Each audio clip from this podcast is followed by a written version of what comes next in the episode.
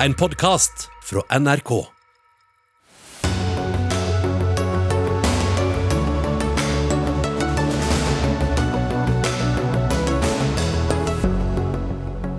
Koronapandemien fører til økt risiko for voldelige handlinger, varsler PST, som advarer mot nettradikalisering.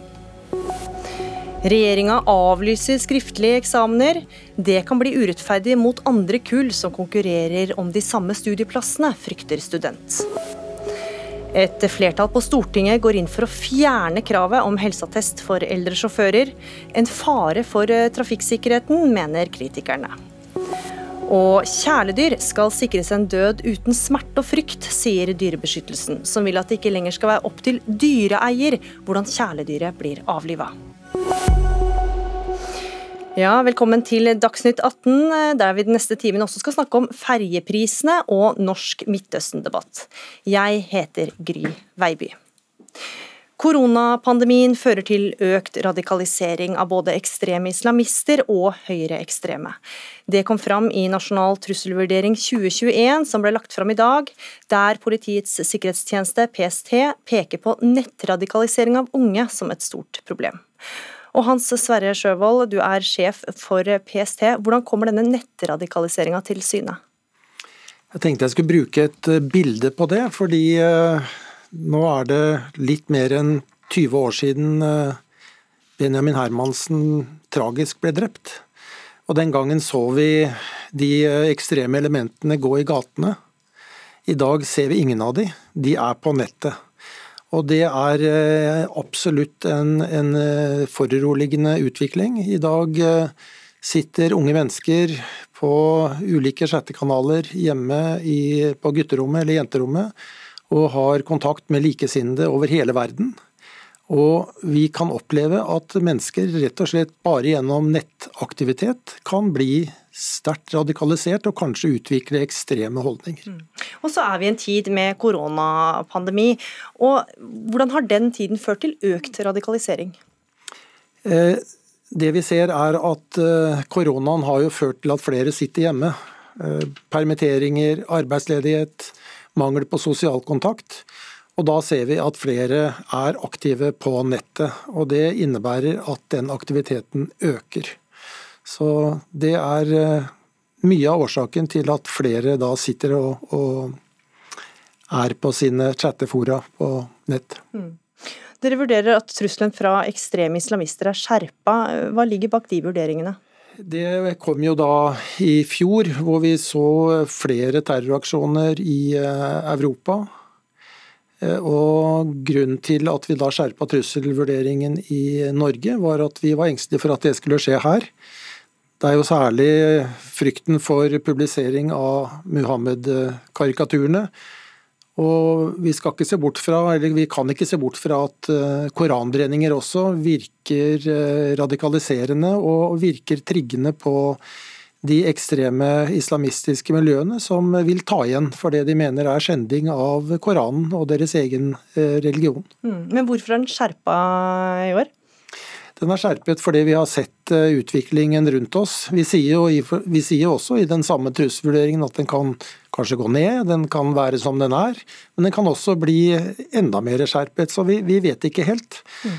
Dette er jo en, en trusvurdering er jo å se litt inn i glasskura og prøve å, å, forutse så godt vi kan det som skal skje. Også høyreekstreme pekes på en, de, som på en av de største truslene mot Norge. Hvilke tegn tyder på det? Nettaktivitet, helt klart. og, og vi vil f.eks. se at dersom koronasituasjonen i Europa blir annerledes, det blir mer bevegelse blant eh, folk, eh, migrasjonen tar seg opp, da vil det være en typisk trigger for de høyreekstreme som ønsker å beskytte den hvite rase her i Europa. Mm. Og Så var det en del snakk om cyberaktivitet og cyberangrep. Hvor, hvor utsatt er Norge for det? Ja, Vi har jo vært mye utsatt for det. Stortingsangrepet har jo vært eh, det, det, klassi, det klassiske eksempelet på hvordan eh, fremmede makter trenger seg inn i, i eh, ulike e-postkonti på Stortinget. Og vi ser at flere virksomheter også har vært utsatt for cyberangrep. Og det er jo en i for seg en lettvint måte å få tak i informasjon på, også i en situasjon eller en tid hvor, hvor fysisk kontakt er vanskelig. Mm, også hjemmekontorene har vært med på å legge til rette for det? Det er det, og da er det mye informasjon som går i alle retninger, og som ikke er særlig sikret i de nettverkene hvor de kommuniseres. Mm. Og Det var da justisminister Monica Mæland som mottok rapporten fra eh, PST, Nasjonal sikkerhetsmyndighet og Etterretningstjenesten. og Hun hadde ikke anledning til å være med, men det hadde du, Tor Kleppen Settem. Du er statssekretær for eh, Justis- og beredskaps Utenriksdepartementet. Hva er det som bekymrer dere mest med den rapporten dere har fått i dag? Eh, det er mange ting som bekymrer. Hvis jeg skulle peke på to ting, så er det digitaliseringen, eh, som dere nå allerede har vært inne på. Eh, nemlig at det oppstår en del sårbarheter som jeg kanskje ikke tidligere har vært vant til å tenke på. Vi er litt ubevisste, både som enkeltpersoner, store virksomheter. Eh, Stortinget som ble nevnt, eh, Østre Toten kommune, som jo har vært en sak i media i det siste.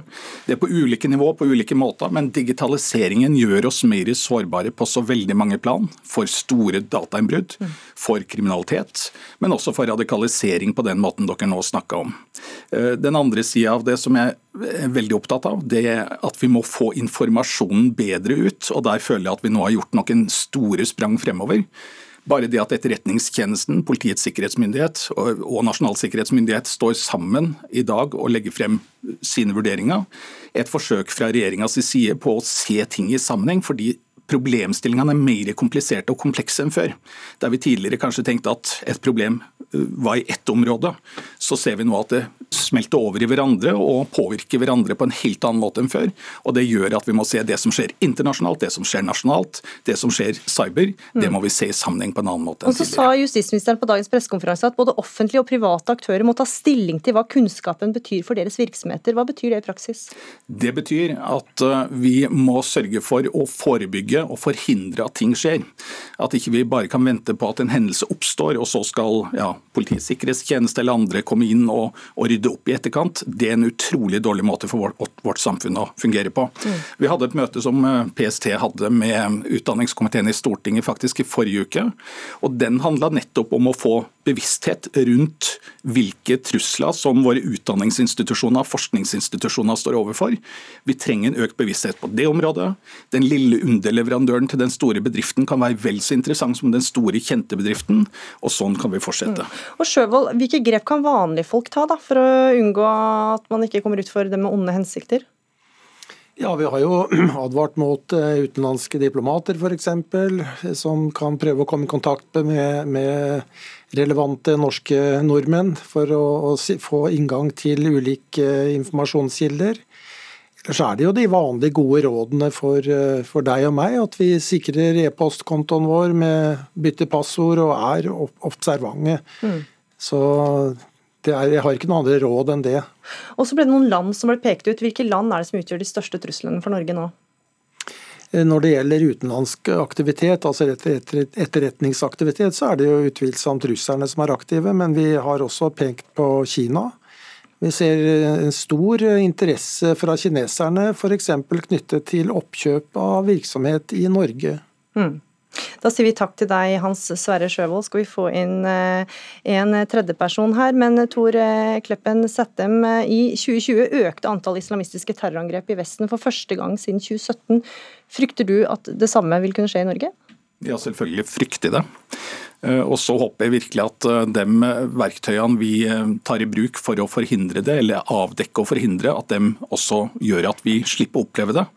Men det er ingen tvil om at eh, vi står overfor veldig mange trusler, både fra islamistisk terror eh, og fra andre former for terror. Eh, høyreekstremisme er jo utvilsomt også på fremmarsj, et problem som vi også ser i Norge. Så det å sørge for at vi har verktøyene, ressursene til å avdekke og forhindre, det er kanskje det aller viktigste utfordringa vi har. Katrine Torleifsson, du er forsker ved Senter for ekstremismeforskning. Hvordan samsvarer trusselbildet som ble presentert i dag med dine erfaringer som forsker? Den samfaller ganske bra i forhold til de trendene vi ser innen spesielt det høyreekstreme landskapet. Vi ser jo mer digital aktivisme. Og så ser vi ganske rask spredning av konspirasjonsteorier som også blir utformet i kontekst av pandemi. Mm. For nå ser man altså hvordan ting som skjer i USA eh, og konspirasjonsteorier, at det også bølger innover her. Ja, det er et globalt medforfatterskap av disse konspirasjonsteoriene. Og Man sitter jo da foran hver sin computer, og det er en global lockdown. Det er også mye sinne og frustrasjon i ulike land, og så kommer det til uttrykk både i fysiske demonstrasjoner, som vi har sett i Nederland og USA, men primært da i spredning og sirkulering av konspiratorisk hat. Mm. Du følger jo med eh, på nettet, og vi snakket jo tidligere om nettradikalisering. Altså, Hvordan foregår denne radikaliseringa? Ja, altså Det er ofte unge aktivister på de digitale plattformene jeg har studert. og Det kan foregå at du begynner å konsumere propaganda og desinformasjon. Og så kan du rett og slett gå inn i en konspirasjonstunnel, altså rett og slett et sånt kaninhull hvor du opplever en helt annen virkelighet som gir logikk. Og Det er tre behov vi mennesker har. Det er eh, både identitet, tilhørighet, kontroll og struktur. Og disse konspirasjonsteoriene gir ofte alle de tre elementene. Og Spesielt i denne tiden hvor mange er frustrerte og opplever at sin identitet blir destabilisert, så finner de slike tilhørighet på nettet. Og noen få går jo da også ut i den virkelige verden. Mm. Som vi så etter angrepet på Kongressen. Og Settem, hvilke verktøy har politikerne for å hindre dette her? Altså disse konspirasjonsteoriene blomstrer og utvikler seg? Den sunne samfunnsdebatten er vel det aller beste redskapet vi har. Eh, for et lite år tilbake, eller et halvt år tilbake så la vi frem en revidert utgave av handlingsplanen mot radikalisering og voldelig ekstremisme. Eh, og Den handlingsplanen den er faktisk en plan. Den norske planen eh, får vi faktisk stor interesse for i andre land nedover i Europa. Jeg hadde selv et møte med en østerriksk minister der vi gikk gjennom den.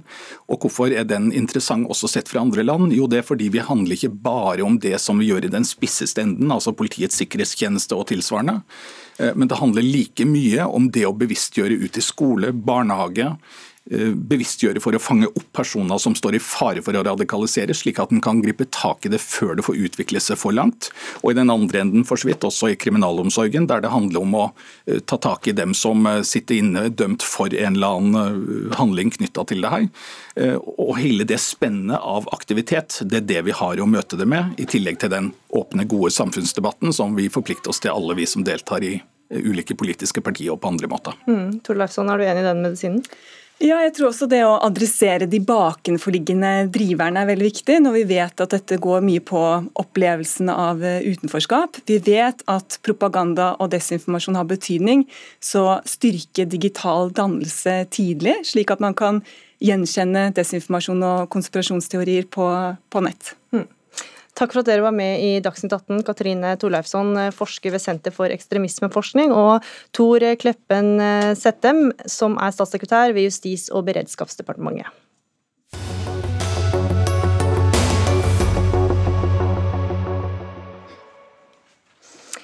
Skriftlige eksamener blir avlyst for tiende trinn og videregående, mens muntlige skal gå som planlagt.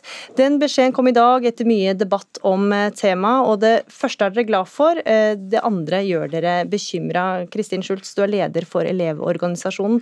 Hvorfor er dere negative til at eh, elever skal ha muntlige eksamener? Først og fremst så vil jeg bare si at vi er veldig glad i dag. Eh, Regjeringa har i hvert fall tatt litt delvis til vett, dog litt seint. Eh, og vi mener jo at det er veldig rett at de har avlyst skriftlig eksamen.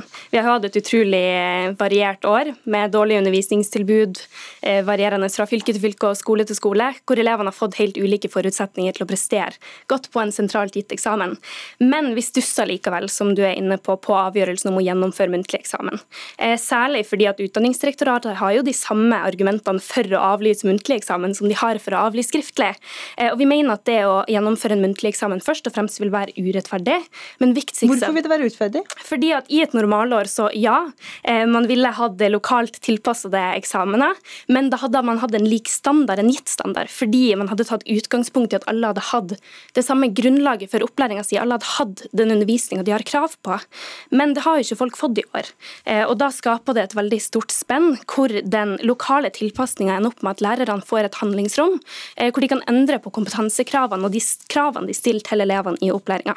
Eh, det kan være veldig greit for den enkelte elev. Men hvis man ser på det store bildet i denne situasjonen, eh, så ender man opp med å få kjempemange vidt forskjellige eksamener som elever skal konkurrere mot hverandre med. Og disse tallkarakterene vil på et vitnemål ha like mye verdi når de skal søke seg videre i videre utdanning, når de skal inn i arbeidslivet, selv om grunnlaget for disse tallkarakterene ikke er likt. Mm. Arina Amir, du er elev i 10. klasse, du er også engasjert i Unge Høyre. Dere har ivra for å beholde eksamen i en eller annen form, men hvorfor bruke tid og krefter på det når mange sliter med å få lært det de skal lære fra før av? Det er ikke noe å legge skjul på at vi ligger litt lenger bak i grunn pandemien, men det skal ikke være noe argument mot å ha eksamen. Eksamen er en del av vurderingsformen i Norge, og da sier det seg selv at den skal gjennomføres dersom det er mulig. Derimot har vi i Unge Høyre vært klare på at eksamen kan ikke gjennomføres helt som den vanligvis pleier å gjøre, så derfor så har vi sagt at den skal tilpasses den koronaskolen vi elever har vært igjennom. Derfor så er jeg glad for at regjeringen har tatt til seg de ideene og innspillene vi har gitt, og at eksamen gjennomføres i hvert fall muntlig for avgangselevene i 10. og 3. Ja, hvorfor er det så viktig da at muntlig eksamen blir avholdt? Eksamen er som sagt en del av mm. vurderingsformen i Norge, mm. og da er det viktig at den blir avholdt dersom det er mulig. Og eh, den skriftlige eksamen får vi på en eller annen måte gjennomgått uansett, med tanke på at tentamen er ganske lik skriftlig eksamen, men den muntlige eksamen er så viktig fordi den også kan tilpasses hver enkelt skole.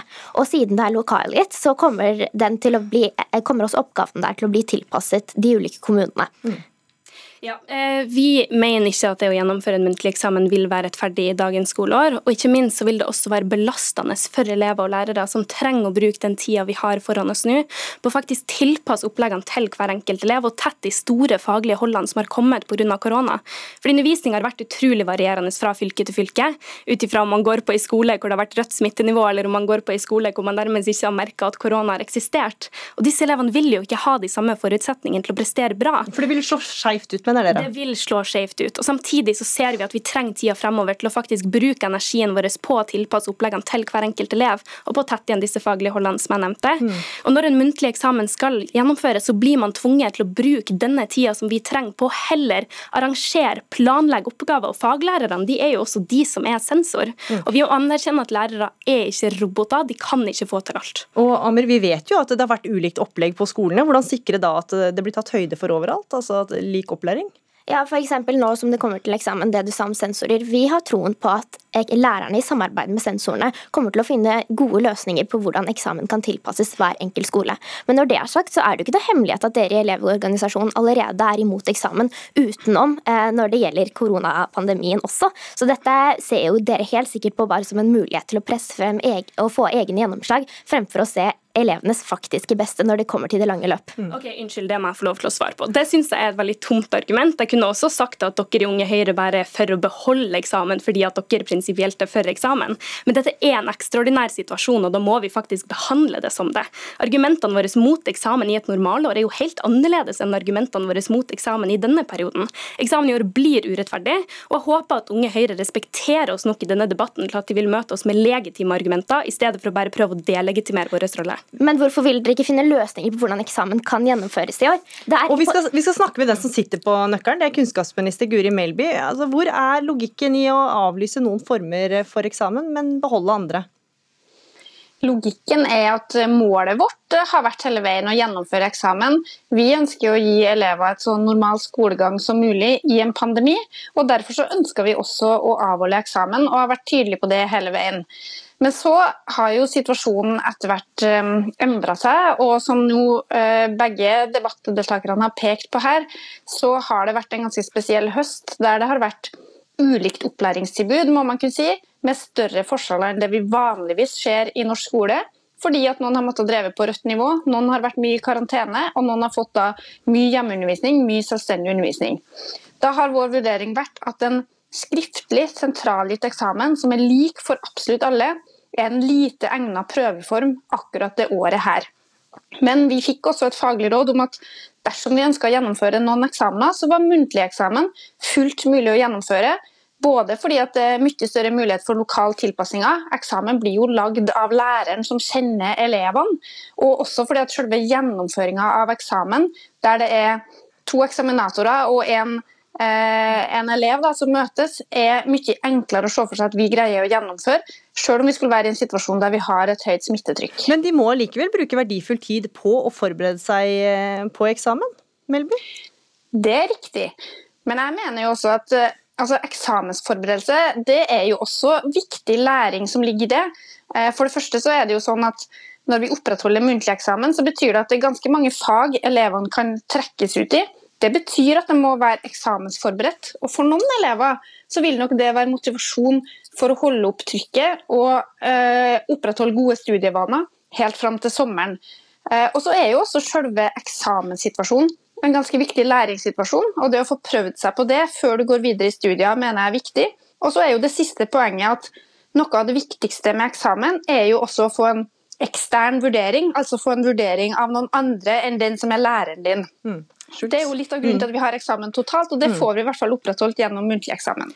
Eh, Guri Melby nevner at eh, Utdanningsdirektoratet har sagt at hvis de skal gjennomføre en eksamen, så er muntlig eksamen det beste.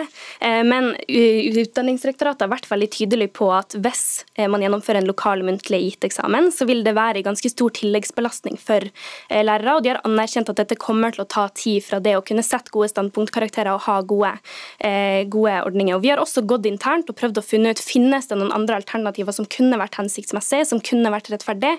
Men der har vi også fagfolkene i UDIR i bak eh, i ryggen. De har sagt at det finnes ingen hensiktsmessige alternativer til eksamen i dag, og da er det bedre å få det avlyst fort, sånn at man eh, heller kan fokusere på læringa og tilpasse opplæring fremover, heller enn å kaste bort eh, unødvendig tid på, på å planlegge og gjennomføre og avvikle eksamen. Mm. Vi skal ikke slippe denne debatten ennå, men jeg skal takke dere, Kristin Schultz, leder for Elevorganisasjonen, og Arina Amir, som var her i form av å være elev i 10. klasse. Ehm, fordi hvor mange og hvilke karakterer karakterer elevene får, engasjerer jo naturlig nok. Eh, for det er ofte disse som avgjør hva man kan studere hvis man vil gå videre med høyere utdanning. Og i dag er det slik at studiestedene setter av en kvote for de som bruker eh, vitnemålet de får rett fra videregående, før studentene samler poeng ut fra alder, Forsvaret, folkehøyskole eller andre studier. Og dette førstegangsvitnemålet kan man bruke til og med det året man fyller 21 eh, år. Og Thea Sund Jacobsen, du er student ved Universitetet i Oslo. Og Du er ikke negativ til at skriftlig eksamen avlyses, men i et innlegg på Aftenpostens sidesider så frykter du for konsekvensene det kan få. Eh, hvordan eh, frykter du at dette kan gi urettferdige utslag? Først og fremst så vil jeg eh, bare understreke at jeg er veldig glad for at eh, Guri Melby på dagens pressekonferanse sier at hun er åpen for å vurdere tiltak det er knyttet til høstens opptak av studieplasser.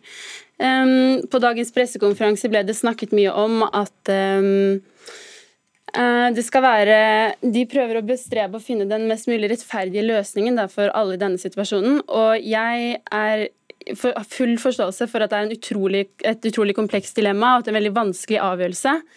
Men når det er sagt, så vil jeg også understreke at avgjørelsen om å avlyse eh, eksamen for avgangselevene på videregående, den berører langt flere enn kun da fjorårets eh, avgangselever og årets avgangselever. Og jeg mener jo at dette bør gjenspeiles. Forklar hvordan, forklar hvordan det påvirker, da. Ja, det er sånn at Til enhver tid så er det jo tre kull som kan søke seg med sitt førstegangsvitnemål til høyere utdanning i Norge. Og Hvis du går inn på UDIR sine sider og ser på tall, eh, så statistikk, så kan du se at det er en klar majoritet som går ned eh, i karakter på skriftlig eksamen, som de da velger å avlyse i år, kontra opp. Og Det vil da si at det er en fordel å søke uten eksamenskarakterer når du søker deg til eh, høyere utdanning. Mm. Så som sagt, da ble jo både skriftlig og muntlig eksamen avlyst i fjor, og skriftlig eksamen avlyses da i år. Og det vil jo da resultere i at avgangskullet fra 2019 kommer veldig dårlig ut da, i denne konkurransen innen førstegangskvoten, da vi konkurrerer med to kull uten eh, eksamenskarakterer. Og så er det veldig viktig for meg bare å presisere at dette er det siste året hvor eh, avgangselevene som gikk ut i 2019 kan søke med sitt førstegangsvitnemål. Mm. Så, mm. For de som tar eh, eksamen, ofte får eh, dårligere karakterer enn de som mm. går ut med, eh, uten eksamen. Og Kunnskapsminister Guri Melby, dette var jo en problemstilling som du også lufta på dagens pressekonferanse. Likevel så tok du dette valget. Hvor rettferdig blir det? Ja, det her er jo åpenbart et dilemma. ikke sant? At Når vi løser da én urettferdighet, at de elevene som nå har et veldig ulikt opplæringstilbud, slipper å ta skriftlig eksamen, så oppstår det potensielt en ny urettferdighet at de elevene skal konkurrere med andre elever som har hatt eksamen. Eh, og Vi så jo det i fjor, at snittet var litt høyere enn det det hadde vært året før, uten at vi kan være helt sikre på at det var fordi at eksamen ble avlyst. Men jeg har jo også lyst til å si at det er jo fort altfor tidlig å konkludere da, hvordan vitnemålene til årets elever blir. Det er jo ingen som har eh, fullført dette året enda. Og det er jo også en fare for at elevene som nå går ut av videregående i år, pga. et dårligere opplæringstilbud, også får svakere karakterer enn det de har kunnet fått med et tipp topp opplæringstilbud. Så det å få til 100 rettferdighet eh, for absolutt alle, det tror jeg faktisk er umulig i den situasjonen vi står i. Så det har jo vært et slags sånn valg mellom to onder, der vi da har valgt å sikre et best mulig år for de elevene som nå går i skolen. Eh, og så får vi sette inn støtet på å sikre at vurderingsarbeidet som nå blir gjort denne våren, eh, er av høy kvalitet. Det har skjedd veldig stor utvikling på vurderingsfronten i norsk skole de siste 10-15 årene. Det har jeg lyst til å si, mm. med en sterk profesjonalisering. Eh, og der det er mye mer gjennomsiktighet på hva som ligger bak de ulike karakterene som elevene får. Og jeg tenker at Vi kan nå gjøre en jobb på å forsterke den positive utviklinga, sånn at vi føler oss trygge på at de vitnemålene elevene går ut med, vår, det er vitnemål som reflekterer den kompetansen elevene har. Og Jacobsen, Vi vet jo heller ikke om den situasjonen vi har vært i har gjort at de har fått dårligere opplæring, de som skal gå ut nå, og dermed får dårligere karakterer enn om de hadde hatt, uh, ikke hadde hatt eksamen? Nei, det er for så vidt riktig. Eh, det at det har vært veldig til dels kanskje Det har vært et utrolig vanskelig år, da, kan vi jo konkludere med. Uh, og jeg har full forståelse for at det er utrolig utfordrende, om det, hadde vært veldig utfordrende å gå opp til skriftlig eksamen for avgangselever på videregående i år. Um, men så vil jeg tenke og understreke at vi har nok alle blitt på en eller annen måte rammet av denne pandemien, og det er jo selvfølgelig altfor tidlig å uh, på en måte si hvordan standpunktskarakterer kommer til å se ut ved utgangen av denne året. Men vi vet jo at statistisk sett, ifølge tall fra UDIR, så gir eksamen uh, store utslag på karaktersnitt, og dermed så kommer vi jo da over til mitt eh, konkrete forslag, da, mm. som jeg nå kan komme inn på. Og det er da å stryke eksamenskarakterene til kull som konkurrerer da med fjorårets og årets avgangselever eh, i førstegangskvote. Mm. Ja, Melby, er det noe dere har vurdert?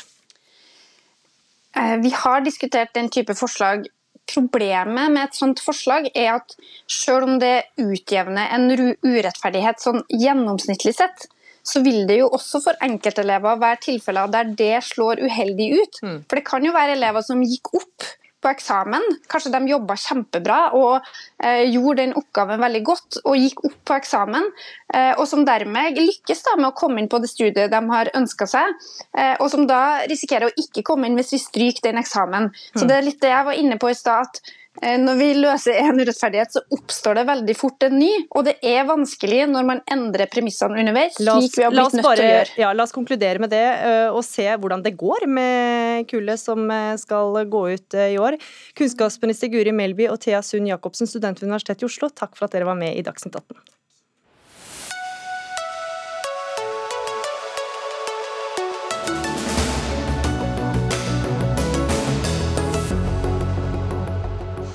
Ja, du hører eller ser på Dagsnytt 18. Den som eier et kjæledyr, kan drepe dyret selv. Dette må reguleres slik at dyrene sikres en smertefri død uten frykt, krever Dyrebeskyttelsen. Så møter Landbruksdepartementet til debatt litt seinere i sendinga. Men nå skal det handle om ferjeprisene. Arbeiderpartiet vil halvere ferjeprisene og lover å gjøre dette dersom de vinner valget til høsten. Ferjeprisene har økt kraftig langs kysten de siste åra, bl.a. som følge av investeringer i utslippsfrie ferger og omlegging av billettsystemene.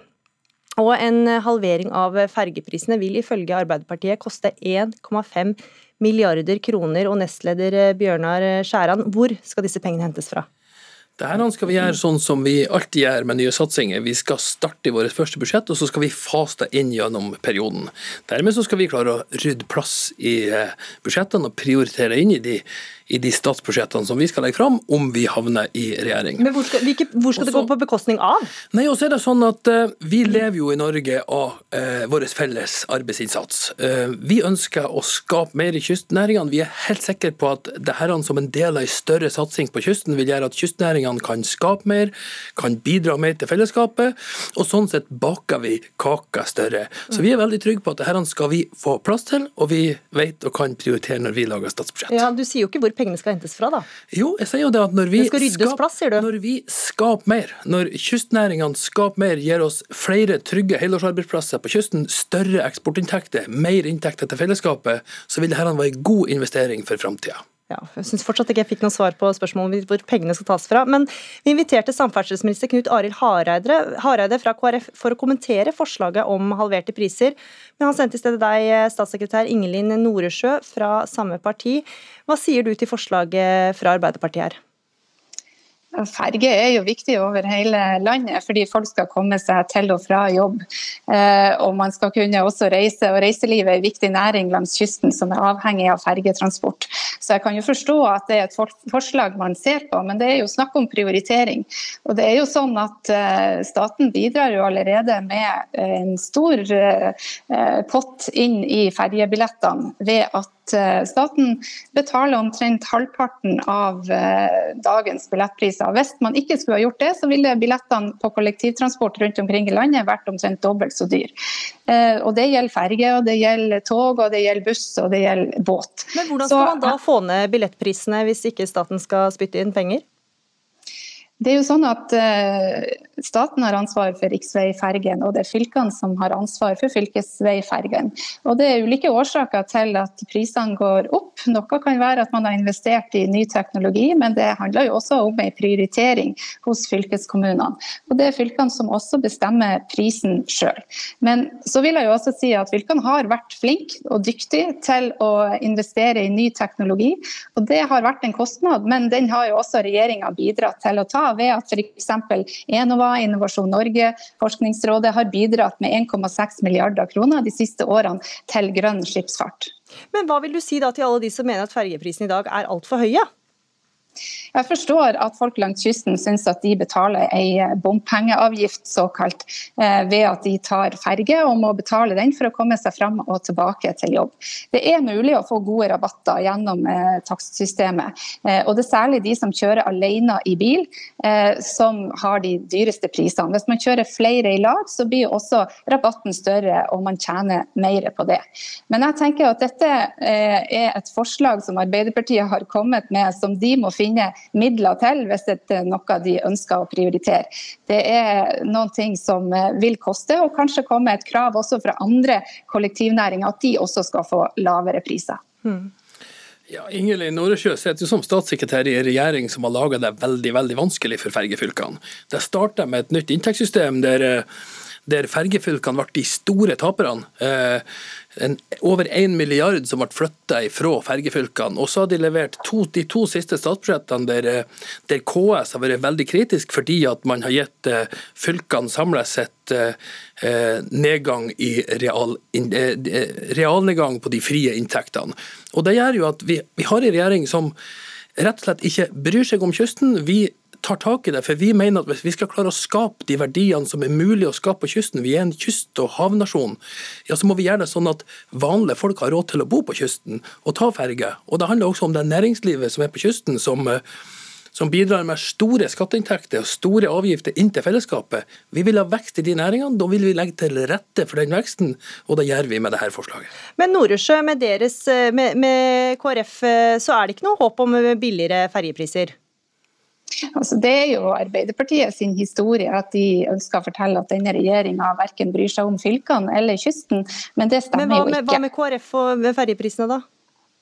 KrF har bidratt i regjering til at vi har flere ulike virkemidler som skal mm. hjelpe fylkene over i det grønne skiftet. Det handler både om de 1,6 milliardene som jeg nevnte i sted, men også for 2020-budsjettet og 2021 så har vi gitt eh, henholdsvis 150 og 100 millioner ekstra til fergefylkene til fordeling, sånn at dette skulle lette på det investeringsnivået som de har hatt på fergene i dag. Mm. Men Skjæran, jeg må spørre deg, altså, fordi Arbeiderpartiet nasjonalt er for å redusere fergeprisene. men men du selv har sittet bl.a. som gruppeleder for Arbeiderpartiet i fylkestinget i Nordland og stemte mot en senking av fergeprisene. Hvordan forklarer du det? Nei, det er sånn at det der er faktisk ikke mer enn en tiendedel av den eh, sanne historien. For det som er saken er at Hvis du ser på de siste fem årene, så har alle partiene i fylkestinget i Nordland, når de har levert sine budsjett, hatt det samme opplegget for fergeprisene.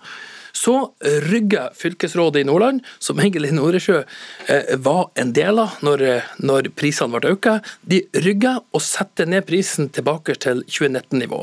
Da foreslo Høyre i fylkestinget å ta den ytterligere ned. Det var et forslag som ikke hadde inndekning, og som vi ikke kunne gå for. Og Som programlederen har vært inne på ved starten, vi må jo faktisk ha finansiering for de forslagene som fremmes. Men Stemte du mot en senking av fergeprisene eller ikke? Vi, vi gikk for en senking av fergeprisene, men ikke så mye som Høyre da foreslo. Men som sagt, det er en liten del av den historien. Nå, nå tar vi et nasjonalt grep, for det er det som må til.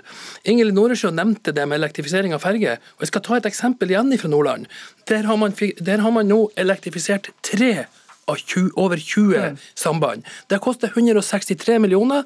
Regjeringen støtter opp med 50, så at 113 millioner måtte sendes videre til kystfolket. Vi må la ferje være ferje. Det var så langt vi kom i dag. Bjørnar Skjæran, nestleder i Arbeiderpartiet, og Ingelin Noresjø, statssekretær i Samferdselsdepartementet for eh, KrF. Takk for at dere var med i Dagsnytt 18.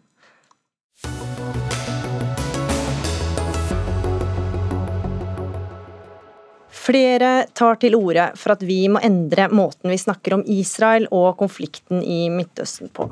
For måten vi snakker om dette på i Norge har innslag av rasisme og jødefiendtlighet, og debatten er så fastlåst, fastlåst, at det nærmest er umulig å utfordre den.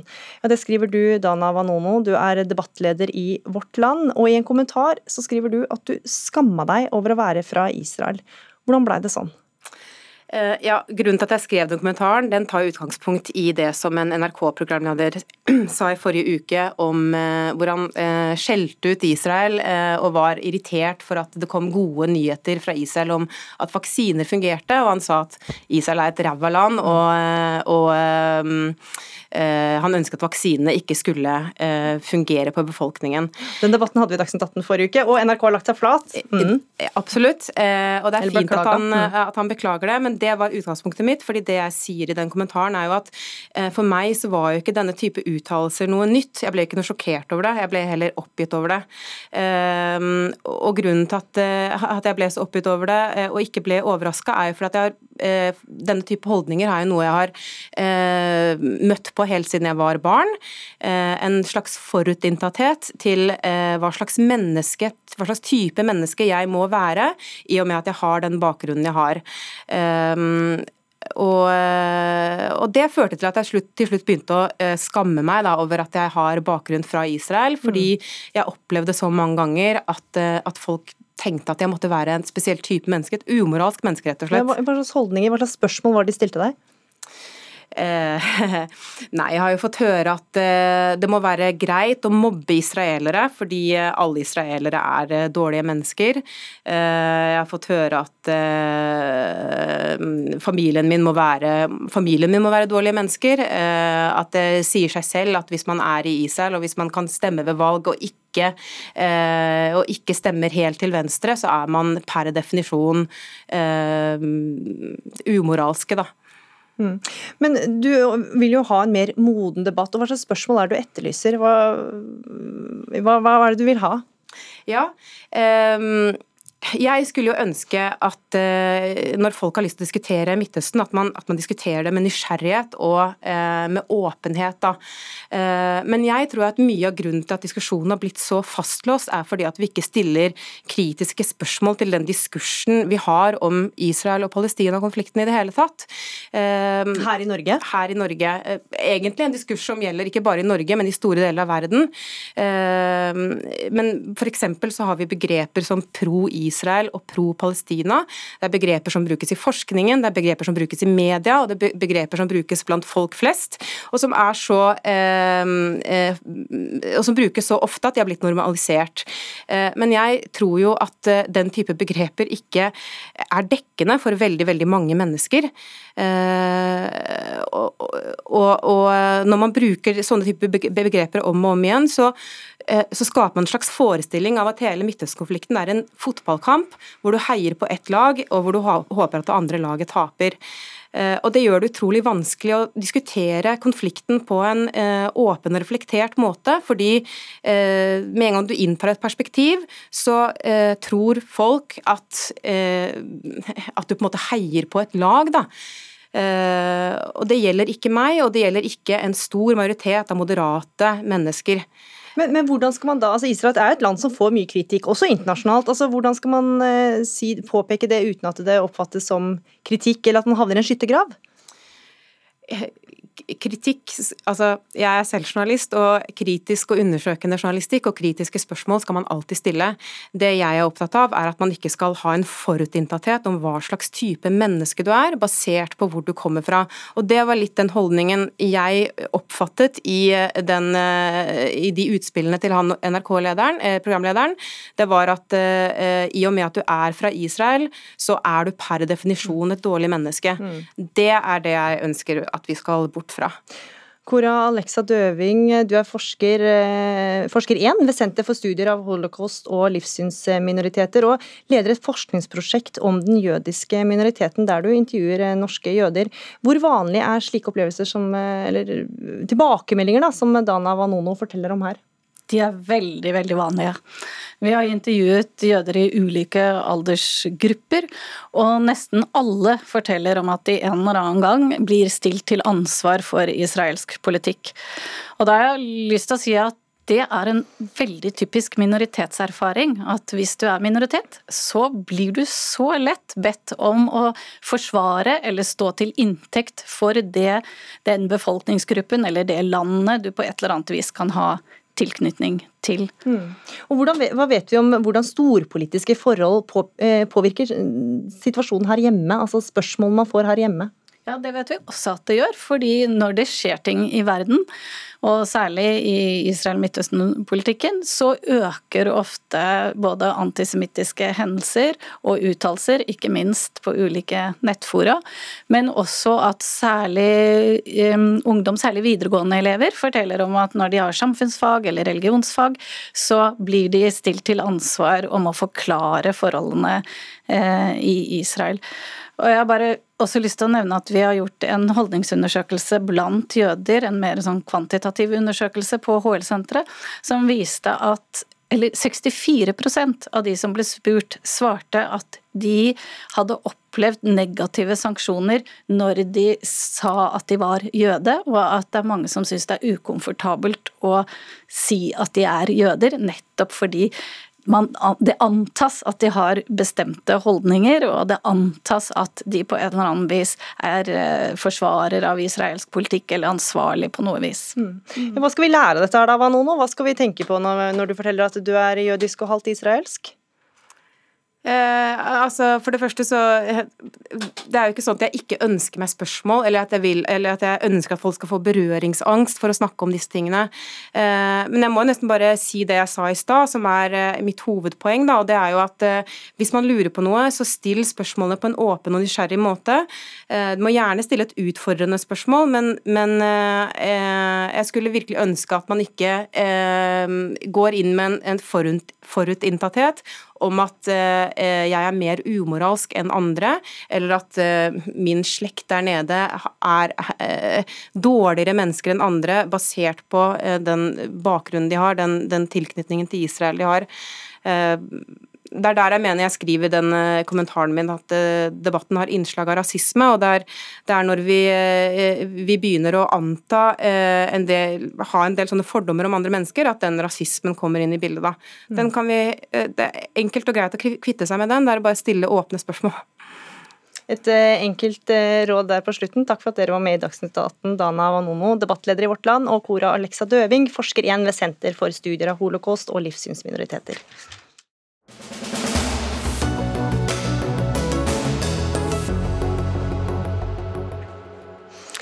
Et eh, flertall på Stortinget bestående av Arbeiderpartiet, SV og Frp går inn for å fjerne kravet om helseattest for eldre sjåfører. I dag er det slik at eh, sjåfører over 80 år må få en helseattest fra legen som viser om de er skikka til å kjøre bil. Helseattesten skal fornyes hvert tredje år. Nasjonalforeningen for folkehelsen advarer mot å fjerne helseattesten og frykter flere demente sjåfører på veiene. Men la oss begynne med deg, Arne Nevra. Nerva. Du er stortingsrepresentant for eh, SV, og det er dere som nå har foreslått å fjerne kravet om helseattest for sjåfører over 80 år. Hvorfor mener dere det, når, vi vet at eh, eldre sjåfører er overrepresentert i eh, ulykkesstatistikken? Ja, De er litt overrepresentert, jeg skal komme tilbake til det. Men det som vi har sett altså Jeg hadde jo aldri kommet med et sånt forslag hvis vi mente at dette skapte utrygghet på veiene. SV er jo et helseparti også, så det er grunner til det. Og De viktigste grunnene for oss det er jo det at vi har sett nå at vi har sentralisert og sentralisert dette landet. og Eldre i distriktene de må kjøre lenger og lenger for å komme til butikken f.eks. Og hvis de mister lappen, så er dette her rett og slett sånn at det, det, hele sosiale nettverket rakner. Altså Det betyr enormt mye. Så det skal gode grunner til for å ta ifra folk lappen. Men hvis det er helsemessige årsaker til det som gjør at de altså blir utrygge på veiene, så er det klart vi skal ta den lappen, for å si det sånn. Så vi har gått gjennom rapporter eh, fra Tyskland, fra Danmark, fra Sverige. Vi har, vi har, gjort dette her skikkelig. Vi hadde aldri gått med på det hvis vi ikke hadde sett konklusjonen av de rapportene, som har gjort at både Tyskland, England, Danmark og Sverige har tatt vekk helseattesten for eldre. Det er altså ikke faktabaserte årsaker til at man skal ha helseattest for eldre. Så det er hovedårsaken. Mm. Generalsekretær i Nasjonalforeningen for folkehelsen, Mina Gerhardsen. Hvorfor mener dere at det er en dårlig idé å fjerne helseattest for eldre sjåfører? Vi mener at det er viktig å ha dette sjekkpunktet eh, for å sjekke at folk faktisk er trygge å ha på veien. Og når vi vet eh, den nær sammenheng det er mellom alder og risiko for demens, så er det viktig at vi har et system for å fange opp det. Etter fylte 85 så er det mellom 30 og 50 eh, som får demens. Det er et veldig høyt tall. Mange har ikke diagnose, det er en sykdom som utvikler seg over tid. Så vi kan ikke overlate det til den enkelte å vurdere sin egen kjøreegnethet. Og I dag er jo systemet også altfor mye at det er pårørende som tar dette ansvaret. Så vi har jo ukentlige henvendelser med folk som er bekymra for eldre foreldre som kanskje ikke bør kjøre lenger. Men vi ser da hvor viktig det er at vi nettopp har disse sjekkpunktene for å fange opp folk som ikke lenger bør være på veien fordi de er en fare for seg selv og for andre. Mm. Og Nevra, altså Dersom dere fjerner dette kravet, da, hvordan skal samfunnet kontrollere at det er ikke demente sjåfører på norske veier? Jo, men Det vil være noen demente som kjører der på norske veier, det vil det. Eh, vi har sett at det er rundt 17,9% var det siste tallet, opp til 85 år, som er demente. Lettere demente. Men, men gjør ikke det deg bekymra? Eh, ikke så veldig lenger, etter jeg har sett de rapportene. Eh, jeg veit ikke ikke om Gerhardsen så rapporten fra Sverige som kom i 2018. Der gikk de igjennom statistikken veldig nøye. Og Der så de faktisk at det ikke var høyere ulykkesfrekvens på de som hadde lettere demens enn de andre. Og Det skulle jo tro var ganske ha, oppsiktsvekkende. Men folk med lettere demens på, på norske veier, ja, det, det, høres jo utrygt ut? Det eh, høres ille ut, men det er sånn altså at det, det, de fant ut, at den gruppa var mye mindre representert. Det var altså faktisk ingen forskjell på det og de som ikke hadde det. Men det de sa, skulle vi hatt en screening, sa de, så skulle vi sett på gruppene de som var rusmisbrukere, psykiske, eh, som hadde psykiske problemer, epilepsi og diabetes. Det ble sagt. Så du kan si at eh, skal vi ha screening på dem også? på forkant? Det er et veldig interessant spørsmål. For det som vi ser nå, det er at de eldre mer og mer blir satt liksom i en slags De blir på en måte generalisert, og de blir hva skal Vi si, vi har fått et samfunn etter hvert som gjør at vi går litt på autopilot for de gamle. og De blir ikke på samme måte skal vi si, tatt hensyn til som de yngre, kanskje. Kanskje vi har fått en sånn ungdomskultur. da, SV er et ungdomsparti, vi gjør det, det vi òg. Så det er vel et felles ansvar at eh, de eldre blir respektert på en helt annen måte enn før. Og det må i hvert fall være gode grunner for det, faktamessig, for at man gjør så eh, sånt inngrep som mange oppfatter som nedverdigende med en kognitiv test, f.eks. Ja, ja, altså Vi kan jo ikke ha det sånn at man skal kjøre eh, bil med en alvorlig hjernesykdom. Eh, og Det å kjøre bil er jo noe av det aller mest komplekse vi gjør. For Du trenger ha mange funksjoner på plass samtidig. Så det er klart at hvis du har kognitiv svikt, altså begynnende demens, så bør du ikke kjøre bil. Og så er det spørsmål hvordan fanger vi opp det. Eh, og Vi mener jo da at du har et system for det, sånn som du har med helseattest og alderskrav, er en viktig måte å gjøre det på. Vi vet at det er mange bekymrede pårørende. Så vet vi også at det er en del fastleger som syns den samtalen er litt vanskelig. Og vi vet at det er eldre som syns det er ubehagelig. Da er det jo det vi må gjøre noe med, at den samtalen blir real og ålreit. Og at det at du får en sånn innkalling fra legen din også er en grei ting. Det er som du får innkalling når du passerer en viss alder til mammografi. Akkurat nå driver vi vaksinerer for korona etter alder, fordi at noen ting henger sammen med alder. Og akkurat risiko for demens henger spesielt sammen med alder. Og Derfor er det viktig at vi har gode systemer for å fange opp dette her. For å beskytte de andre på veien, mm. men også for å beskytte sjåføren. Ingen har lyst til å gjøre skade på andre. Og Nevra, Ved å ta bort den faste innkallingen da, som man nå tidligere har fått hvert tredje år, vil det ikke da være enda mer stigma å få dette her utenom at det bare på en måte er en rutine?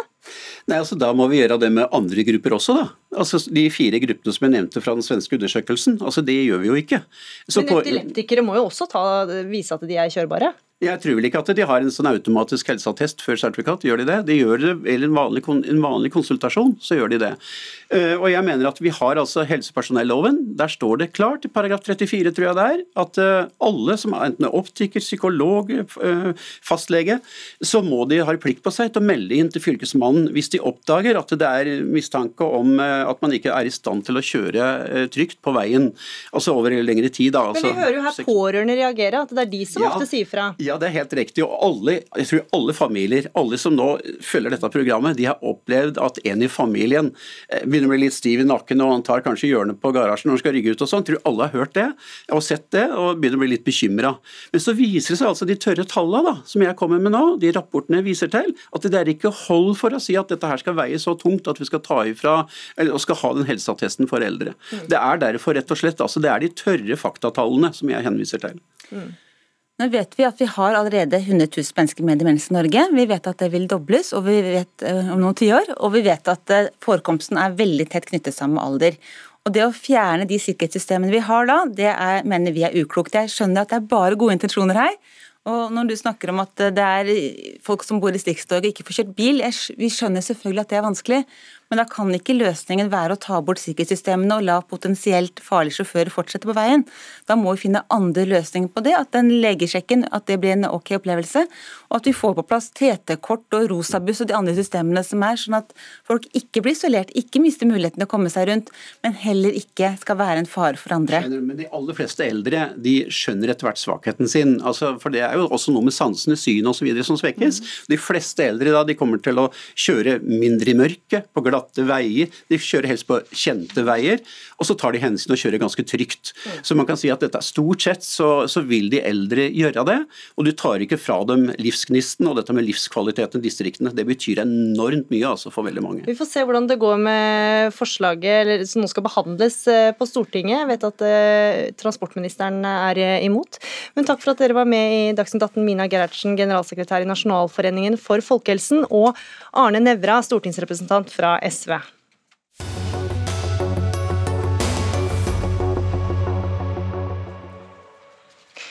Så er dagen kommet. Katten Mons eller hunden Fiffi må dø.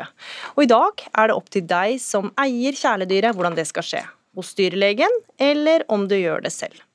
At eier har så stor råderett over kjæledyr, vil Dyrebeskyttelsen ha slutt på. Organisasjonen krever at kjæledyr skal sikres en død uten smerte og frykt. Og Åshild Roaldseth, du er daglig leder i Dyrebeskyttelsen eh, Norge. Dere mener at det er fritt fram eh, her i landet å avlive dyret. Hvordan begrunner dere det? Ja, eller Det er jo ikke helt fritt fram, for du må forholde deg til forskrift. Men uh, i dag så mener vi at forskriften ikke er god nok, og heldigvis så er den på høring. Så det mener jo departementet og Mattilsynet også. At den forskriften vi har i dag, den er ikke god nok. Men hva er galt med dagens forskrift, da? Nei, altså Det som ligger på bordet på høringsforslaget, det kan vi jo kanskje prate om. og Det er jo f.eks. at det ikke er noen nedre aldersgrense. Så i dag, eller Det som ligger på bordet til eh, vedtak, det er jo at en ti år gammel, ti år gammel barn kan eh, drepe en kanin opptil fem kilo med en stein. Og Det tror jeg liksom i vår alles rettsforståelse så tenker vi det er litt uheldig. Vi bør kanskje ha en nedre aldersgrense for avliving, og det syns jo vi. Og Vi, vi blir, får jo, blir jo kontaktet av barnevernet eh, i situasjoner der barn har blitt Eh, tilskuere til avliving. Uh, og Vi vet jo at det er en sammenheng mellom vold mot dyr og vold i nære relasjoner, og vi vet at dyr blir avlivet for å straffe mennesker. Så, og, ja. Så vi må sikre at dyrene blir avlivet uh, uten frykt og uten smerte. For hvis ikke de blir avlivet uten frykt og smerte, så er det en mishandling med døden til følge. Mm. Og det kan vi ikke være kjent med. At det blir avlivet uten frykt eller smerte? Ja, Da syns jo vi at det, normalen skal være at man går til veterinær, mm. rett og slett. Vidar Skogan, du er statssekretær i Landbruks- og matdepartementet. Som du hører her, så er det jo mye mishandling av dyr eh, for å ta livet av dem. Hvor viktig er dette her for Landbruksdepartementet? Ja, Dette er en veldig viktig sak. Altså, dyrevelferd er jo noe som står høyt på agendaen, og som vi har veldig stort fokus på.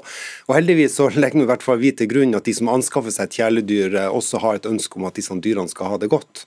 Og så kommer du jo i en del situasjoner som det her eh, sies, eh, at et dyr må avlives. og da er jo Den beste løsninga at man går til veterinær og får ei sprøyte. Men, Men i dag vi, er det opp til den enkelte? Ja, ja og så for å fortsette det, så, mm. så, er det jo slik at vi, det viktigste for det dyret som da ikke får leve videre, når man har prøvd omplassering eller andre gode ting, så så er det jo viktig at det dyret får en, eh, en rask død, altså uten smerte. Og, og, og, og, da har vi en forskrift sagt liksom hvordan man skal gå fram for å hindre at dyret opplever ubehag og smerte knytta til avlivning. Mm. Og så er det jo sånn i Norge at eh, vi har jo over en halv million av oss har jo eh, jegerprøvene og jegere og har liksom hatt kurs om god håndtering av dyret. Og, og, mange er i stand til å ta avlivningene på en fornuftig måte. og Da mener vi at da er det praktisk fornuftig at de gjør det, og de som ikke gjør det, de eh, bør gå til veterinær. Mm. Og Den vurderinga må på en måte dyreeier gjøre tenker mm. vi da. Ja, Roaldsett, altså, Hvis man skal gå til veterinær, som du også foreslår, det kan jo koste rundt 2000 kroner å avlive et dyr. Det er jo ikke alle som har råd til det? Nei, men man må ha råd til å ha veterinærtjenester hvis man har et dyr. Så sånn må det bare være. Så vi etterlyser jo også da, hvis man skal skyte dyr eller slå igjen dyr med en stein, så etterlyser vi bedre beskrivelser i den forskriften som ligger på bordet. Vi mener jo at vi må si noe om både om ferdigheter, altså hva mener vi når vi snakker om ferdigheter. Da må du ha jegerprøven f.eks., da? Ja, det kunne vært et eksempel. Mm. Og du må være våpenkyndig f.eks. Og vi må skrive noe om hvilket, hvilke våpner vi aksepterer.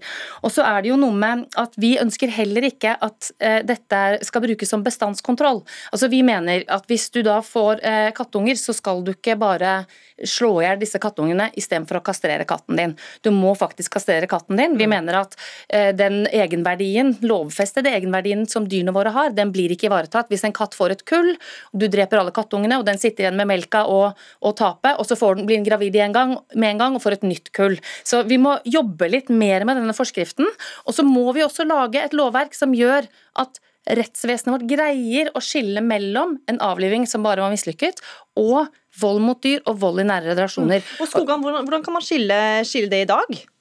Ja, altså Utgangspunktet er jo at uh, de som skaffer seg et dyr, uh, er ansvarlig det å ha et dyr. Uh, og, Men det er jo ikke alltid. Ja, det, ja, det, det er jo utfordringa i, i, mange saker. er liksom at noen, noen vil på en måte ikke følge gode regler og har god empati med dyrene og, og, og, og, håndtere sine dyr på en god måte. Og, Da er det jo at vi har laga en forskrift nettopp for å understreke at eh, det å ha et dyr, det å avlive et dyr, det er et ansvar. Det, det kan du ikke overlate til tilfeldigheter. Vi har beskrevet hvordan det skal gjøres, slik at dyret dør momentant. Du skal være kyndig, og så skal du bruke veterinær hvis du ikke føler at du har den kompetansen, eller du kjenner mm. noen som har kan, den kompetansen. Kan, det hjelpe at du f.eks. også da har jegerprøven, da, som foreslås her? Ja, det kan hjelpe. Eh, men samtidig så har jo vi beskrevet litt sånn hvordan det kan gjøres. Og vi har også sett på størrelsen på dyr. For det handler jo liksom om Hvis det er et, et lite dyr, og du som kyndig person kommer til en sånn beslutning av at det her dyret må avlives, eh, så er det jo viktig at det, det blir eh, tatt av dagen på en en momentant måte. da, og Det er jo det som står i forskriften. Og Så er det jo igjen en del utfordringer knytta til barn og, og, dyr, og kanskje aller helst eh, kaniner og en del dyr som formerer seg eh, ofte. Men har dere vurdert en aldersgrense på de som skal ta livet av dyr? Det er jo en av de spørsmålene som da ikke står i, i forskriften, men den er jo ute på høring. og Det er jo mm. høringsfrist nå i slutten av, eh, av, februar, og da vil vi jo se på de innspillene som kommer. Mm. Så, så, jeg tenker uansett så er det jo viktig, og vårt engasjement det er jo bevisstgjøring omkring dyrs eh, egenverd, mm. og at det skal være dyrevelferd og det skal være ansvarlighet knytta til avliving. Og Roaldseth, altså Dyreplageri eller sadisme, som det også blir snakk, snakket om i den sammenhengen her, da forsvinner jo ikke med forskrifter. Så på hvilken måte Nei, kan en forskrift hjelpe disse dyrene? Nå har vi en høyesterettsdom der en en tidligere samboer har knekt nakken på to katter med den hensikt å straffe sin tidligere samboer. Og når vi bruker dyr, og vi torturerer dyr eller, eller mishandler dyr med det formålet å straffe et menneske, da må vi ha et, et lovverk som kan gjenkjenne det og anerkjenne det. Det gjorde ikke Høyesterett i denne saken, og det er veldig problematisk. Vi skal ikke gå veldig inn på den dommen, men nei, da, nei, det skal vi ikke gjøre. Men, mm. men uh, denne regjeringa har jo også prioritert dyrepoliti, nettopp også for å understreke hvor viktig det er at dyr blir behandla på en ordentlig måte. Mm. Dyr har en egenverdi. Eh, og så skal vi lage da en forskrift som skal enda bedre sikre at dette skjer på en eh, mest mulig human og skånsom måte. Og så er min så, anbefaling bruk veterinær. Ja. Vi får se hvordan det går. Eh, dette her er ute på høring i disse dager. Åshild Roalseth, daglig leder i Dyrebeskyttelsen Norge, og Vidar Skogan, statssekretær. Takk for at dere var med i Dagsnytt 18, som er over. Ansvarlig for sendinga var Anne Katrine Førli. Det tekniske ansvaret hadde Lisbeth Sellereite. Og her i studio var Gry Veiby.